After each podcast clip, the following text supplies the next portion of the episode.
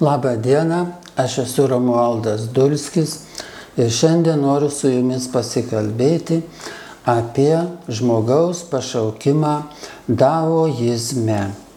Kuo mums aktualus daoizmas? Mums vakariečiams, lietuviams, krikščioniškos tradicijos žmonėmis, žmonėms. Visų pirma, kiekvienas kultūrinis dialogas yra ugdantis. Kultūrinis dialogas plečia mūsų akiratį, gilina mūsų įžvalgas.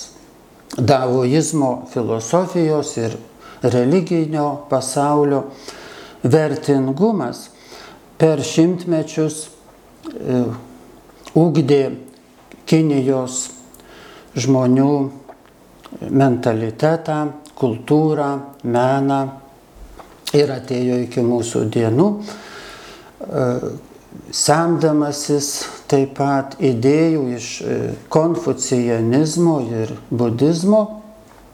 Šiandieną davoizmo paveldas tyrinėjamas įvairių pasaulio e, sinologų tiek Kinijoje, tiek plačiame pasaulyje už jos ribų.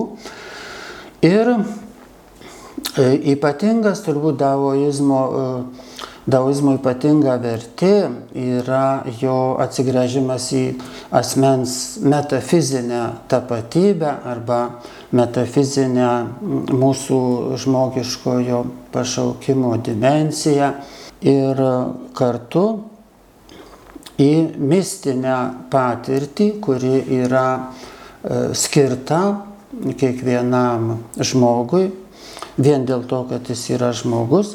Ir šiuo aspektu daoizmas, e, galima sakyti, primena mums didžiojo teologo Karlo Ranerio mintį apie tai, kad ateity, ateities žmogus e, bus mystikas.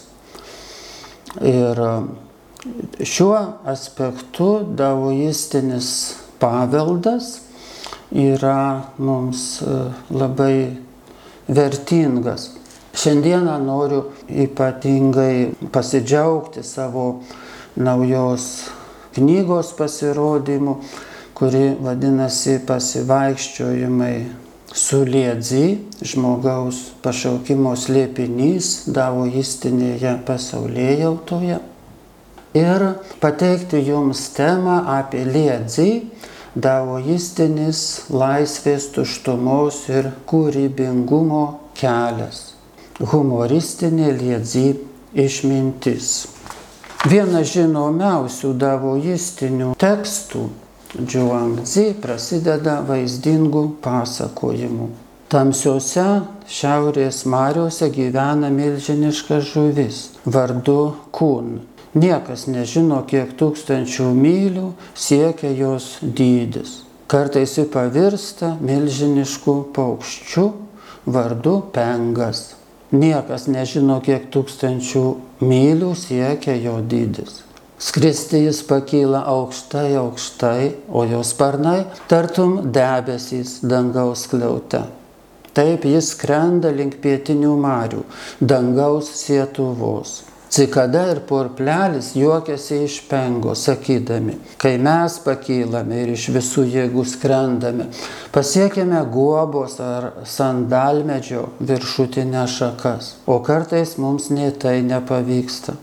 Kokia prasme skrieti 90 tūkstančių mylių lygi pietinių marių. Visa Kinijos filosofijos istorija yra pažymėta harmonijos ilgesiu. Nuo seniausių laikų kinams rūpėjo darna tarp dangaus ir žemės, žmogaus ir gamtos, ypač visuomeninio gyvenimo bei asmeninės būties harmonija. Davoistinė tradicija moko, kad natūralus, harmoningas gamtos virsmų ciklas yra generuojamas ir palaikomas lėpiningojo davo gimdančio begalinę esinių aibę ir nepaliaujamą jų kaitą. žmogui skirta įsilieti į šį nepaliaujamą cikliškų virsmų procesą, gyventi paprastą, prigimti atitinkantį gyvenimą, vengti nenatūralumo ir romiai priimti gyvenimo permainas, įskaitant gimimą ir mirtį. Davo yra nenusakomas, tačiau jis esti visuose esiniuose ir kiekviename žmoguje. Todėl visi esiniai ir žmonės tarpusavyje susiję. Prancūzų jėzuitas paleontologas Tejaras Dešaldenas daug metų praleidęs Kinijoje labai priartėjo prie šio daoistinio požiūrio, kai nuolat mąstė apie gamtą kaip dieviškąją aplinką kurioje visi visatos elementai liečia vienas kitą. Daoistiniai tekstai daugia sluoksniai ir daugia prasmiai nors įstokodami sistemiškumo bei mums įprasto logiškumo, jie intriguoja tiek savo idėjomis, tiek jų pateikimo būdu. Davoizmo idėjų pasaulis sukasi apie Davo, slėpiningąją, amžinąją būties versmę. Nepaisant to, kad Davo nėra personifikuota dievybė, Ir galbūt kaip tik dėl to davoizmo mokymas ir praktika nepaprastai žavi šiandienį vakarų kultūros žmogų. Susitikęs turtingą etinių ir dvasinių davoizmo vertybių pasaulį, tūlas modernus žmogus intuityviai ir nesamoningai pajunta tą pat, ką ir Jonas Paulius II Tai reiškia viltį, jog dialogas tarp krikščionybės ir Azijos kultūrų ateityje atras vis naujų abipusio žmogiško bei dvasinio praturtinimo galimybių.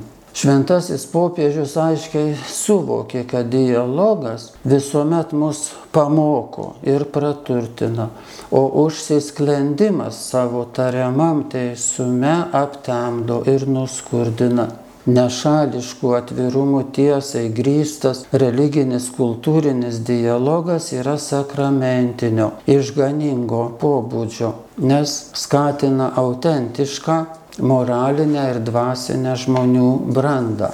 Vienas esminių daoizmo mokymo bruožų yra empiriškumas. Filosofija kinų kultūroje tai ne gyvenimo apmąstymas, o gyvenimo būdas. Daoizmo išminčiai savo mintis dėsto ne kaip teorinės prielaidas reikalaujančias loginio pagrindimo, o kaip savo patirties liūdėjimus, kuriuose persipina intuicija ir praktinė išmintis. Svarbiausia filosofinė davoizmo problema - kaip plėtoti savo širdį, protą ir prigimtį.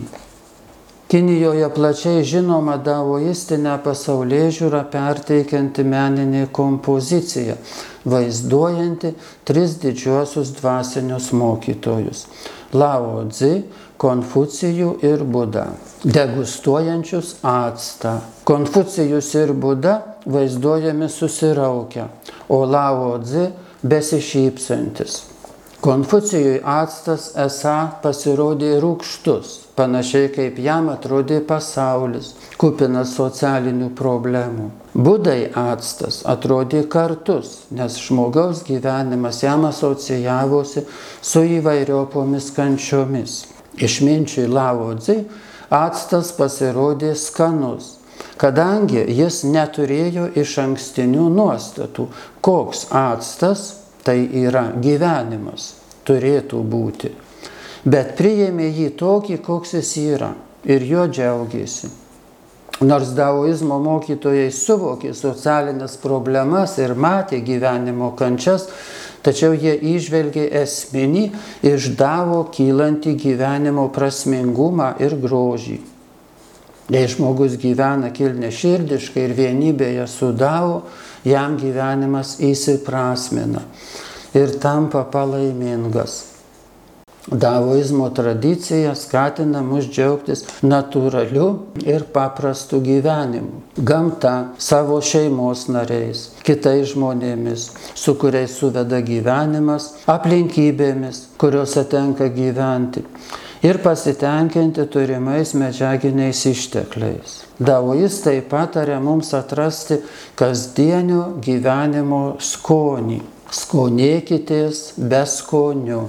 Šiais žodžiais jie nori pasakyti, kad paprastas kasdienis gyvenimas turi savo prasme ir vertę, savo žavesį. Vis dėlto kyla teisėtas klausimas, ar daoizmas apsiriboja šiuo minimalizmu. Akivaizdu, kad teikdamas paprastą ir natūralų gyvenimo būdą, jis be paliovos kreipia mūsų žvilgsnį į davo. Paprastumas tai yra terpė, kurioje randasi sąlygos pažinti davo. Kadangi davo ne tik pažįstamas, bet ir patiriamas, asmuo ragauja davo gyvenimą. Davo pasotina ir patenkina giliausius žmogaus troškimus. Todėl žmogus tampa pajėgus apriboti savo įnorius ir savanaudiškus siekius. Taip mokymasis skonėtis, tariamai beskone kasdienybė, veda į davo ragavimą, pranokstantį bet kokį šio pasaulio džiaugsmą ir bet kokią žmogišką paguodą. Pasak davoizmo mokytojų, paprastas gyvenimo būdas mums padeda pasiekti du tikslus - patirti davo ir sukurti darnius santykius su aplinka. Davoizmo išminčius trokšta būti laisvas ir nevaržomas, kaip banguojanti jūra ir siaučiantis vėjas. Ši davoistinė laisvė paprastai prieš priešinama racionaliam konfucijanizmo humanizmui, raginančiam ugdyti visuomeninį įsipareigojimą ir atsakomybę. Kaip tik dėl to, kad konfucijanizmas pabrėžia etinę atsakomybę, Daoizmo mokymas apie laisvę neretai aiškinamas kaip etiškai ir religiškai nevaržomas gyvenimo būdas. Iš tikrųjų, daoizmo mokymas toks ir yra. Tačiau kuria prasme? Ar ta, kad etinės normos ir religinės tiesos turėtų būti laikomos relatyviomis? Veikiau daoistų mokytojai nori pasakyti, kad etika ir religija neturėtų būti suvokiamos kaip varštai, bet kaip įkvėpimo versmės visaverčiam gyvenimui. Kaip tik šitaip šiandien linkstama aiškinti daoistų tezes apie laisvę ir aukštesnesias bei žemesnesias dorybės. Bandymas vien išmokti, etiškai elgtis, anot daoistų niekada neatneš laukiamų rezultatų. Žmogus turi ne išmokti etikos ar religijos, bet patirti virsmą, katarsį, vidinį asmenybės perkeitimą. Laisvę daoizmo tradicija laiko pamatinę vertybę, laiduojančią autentišką asmens saviraišką. Dvasios laisvė svarbesnė už taisyklės, papročius, elgesio normas. Minties, žodžių, veiksmų ir saviraiškos laisvė negali būti varžoma socialinio statuso.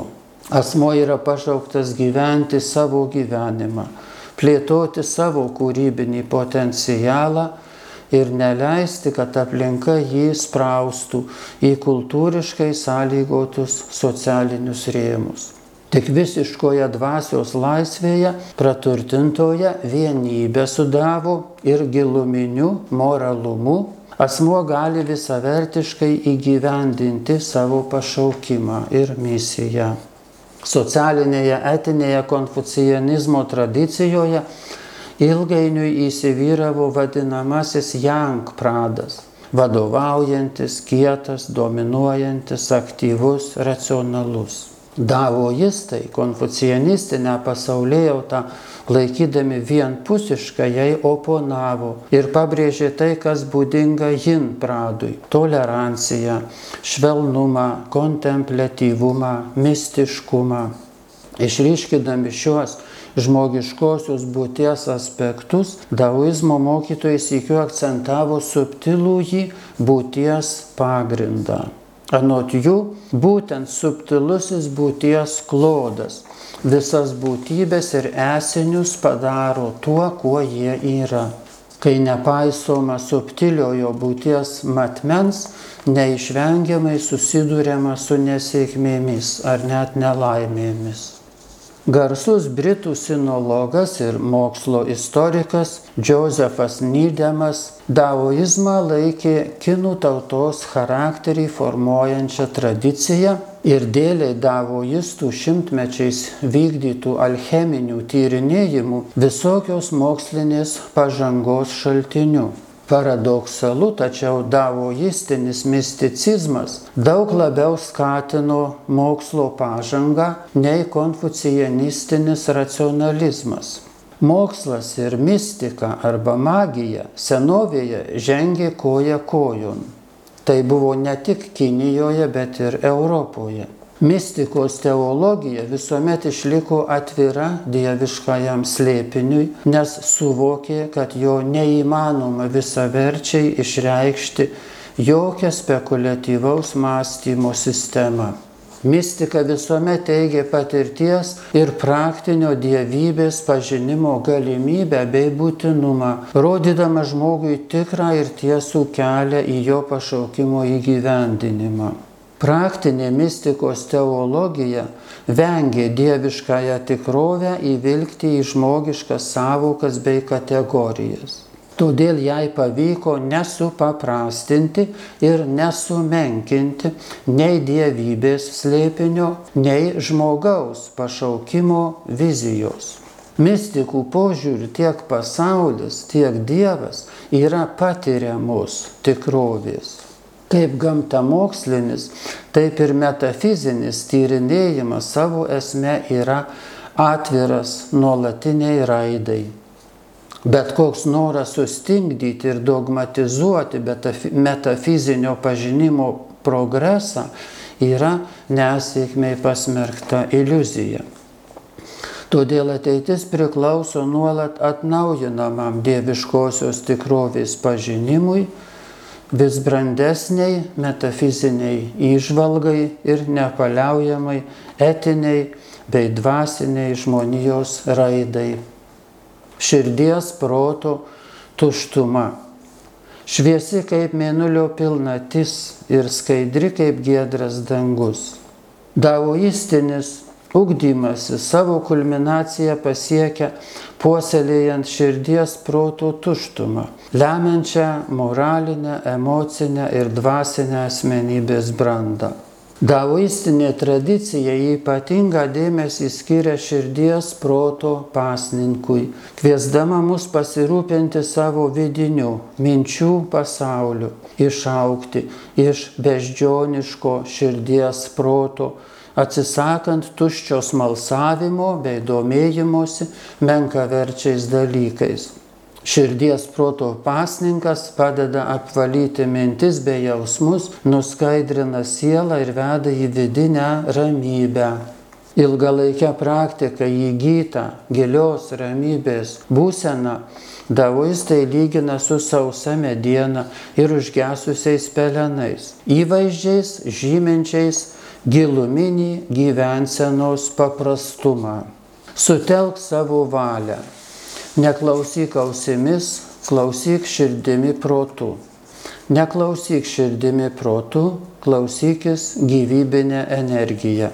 Kai liaujamės klausytis ausimis, liaujamės pažinti širdimi protu. Gyvybinė energija apsivalo ir atsiveria tikrajam pažinimui. Davo randamas vien tuštumoje, o tuštuma tai širdies proto pasninkas. Šis pasninkas sudaro prielaidas atpažinti ir suvaldyti beprasmį mentalinį ir fizinį aktyvizmą, sugrįžti į giluminį pirmą pradį paprastumą, pažadina kūrybinės asmens galias. Sykiu jis naikina kliūtis, skiriančią žmogų nuo jį supančio pasaulio ir nuo paties davo.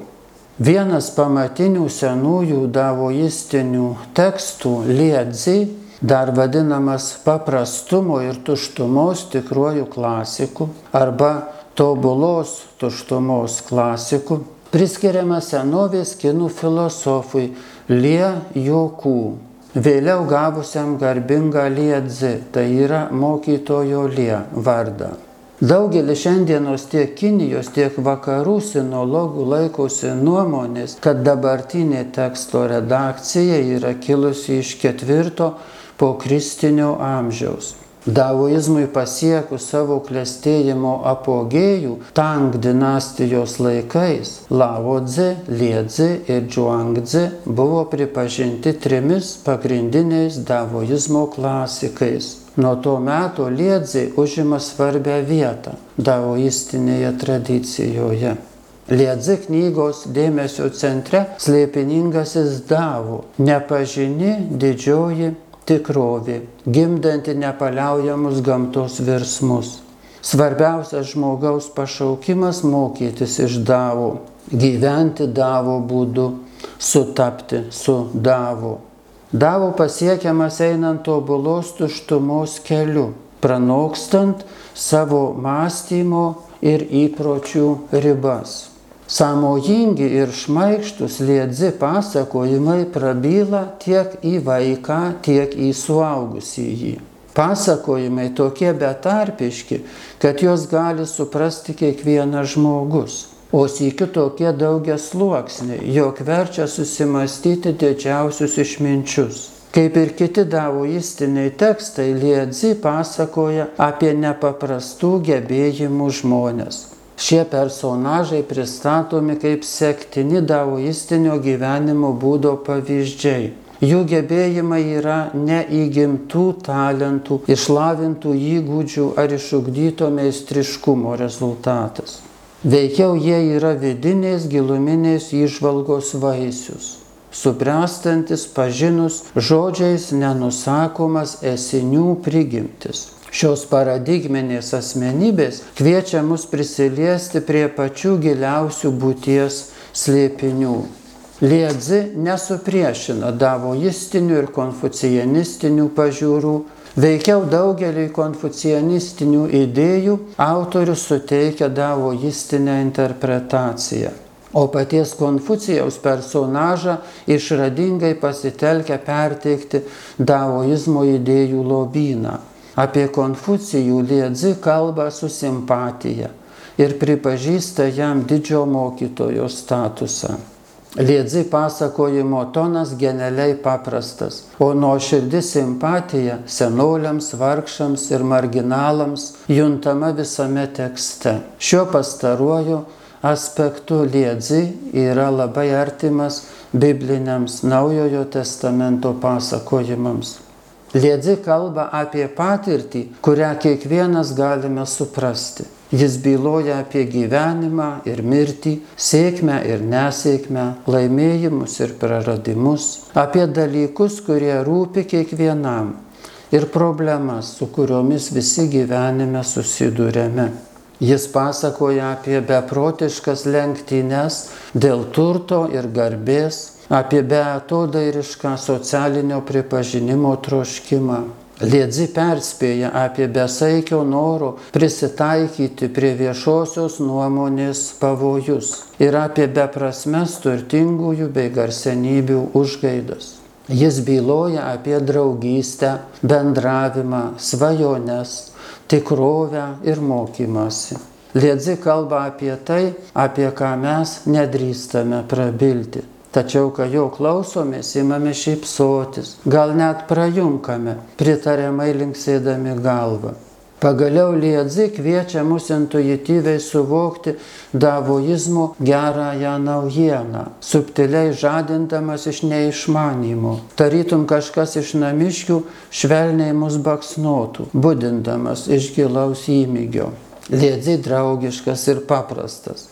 Jis kalba ne kaip visažinis ekspertas, didis išminčius ar mokytojas, bet kaip žmogus, kuris patarė mums todėl, kad pats gyvenime padarė klaidų ir iš jų pasimokė. Liedzi užduoda klausimus, kuriuos mes nuolatos užduodame patys savo. Kas yra gyvenimas ir mirtis? Kodėl vieniems viskas klostosi sklandžiai, o kitiems ne? Kaip susidoroti su nerimu ir nusivylimu? Kaip efektyviau mokytis? Kas yra laimė? Kodėl pasaulyje tiek daug problemų? Kokios vertybės pačios svarbiausios? Liedzi nukreipia mus ten, kur galime rasti atsakymus į šiuos sudėtingus klausimus ir į svarbiausią gyvenimo klausimą, kaip gyventi vienybėje su Davo. Lyginant su Laodzi ir Džuangdzi, Liedzi unikalus tuo, kad parodo žmogaus žengiančio dvasinio gyvenimo keliu kovas. Matome, kaip Liedzi klysta, girdime, kaip jis šaiposi iš savęs, sužinome, kokias praktikas jis naudojo ir kokias kliūtis jam teko įveikti. Mums atskleidžiama, koks yra dvasinio gyvenimo kelias ir kaip juo žengti. Liedzė sprendžia labai konkrečias problemas, su kuriomis ir mums tenka susidurti, žengiant dvasinio gyvenimo keliu. Jis atskleidžia savo grumtynės su apgaulinga viešosios opinijos įtaka finansinėmis problemomis, anų laikų politinėmis realijomis, savo abejonėmis ir savanaudiškumu. Liedzi patirti išbandymai ir abejonės mums yra suprantamos ir artimos, todėl ir jo dvasinė branda mums artimesnė ir aktualesnė. Liedzi pasakoja, kaip gyvena moralinės ir dvasinės brandos siekiantis asmuo. Jis nesidrovi pasakyti, kad ilgus metus mokėsi iš savo mokytojo šango, vis nepajėgdamas perprasti jo minčių. Jis nebijo prisipažinti, kad nekarta klydo. Liedzi prisipažįsta, kad net jau pats tapęs mokytoju mėgavosi mokinių dėmesiu ir liaupsėmis. Jis pasakoja, kad žmona nesidrovėjo jo barti, o jis neapmaudavo dėl jos pykčio.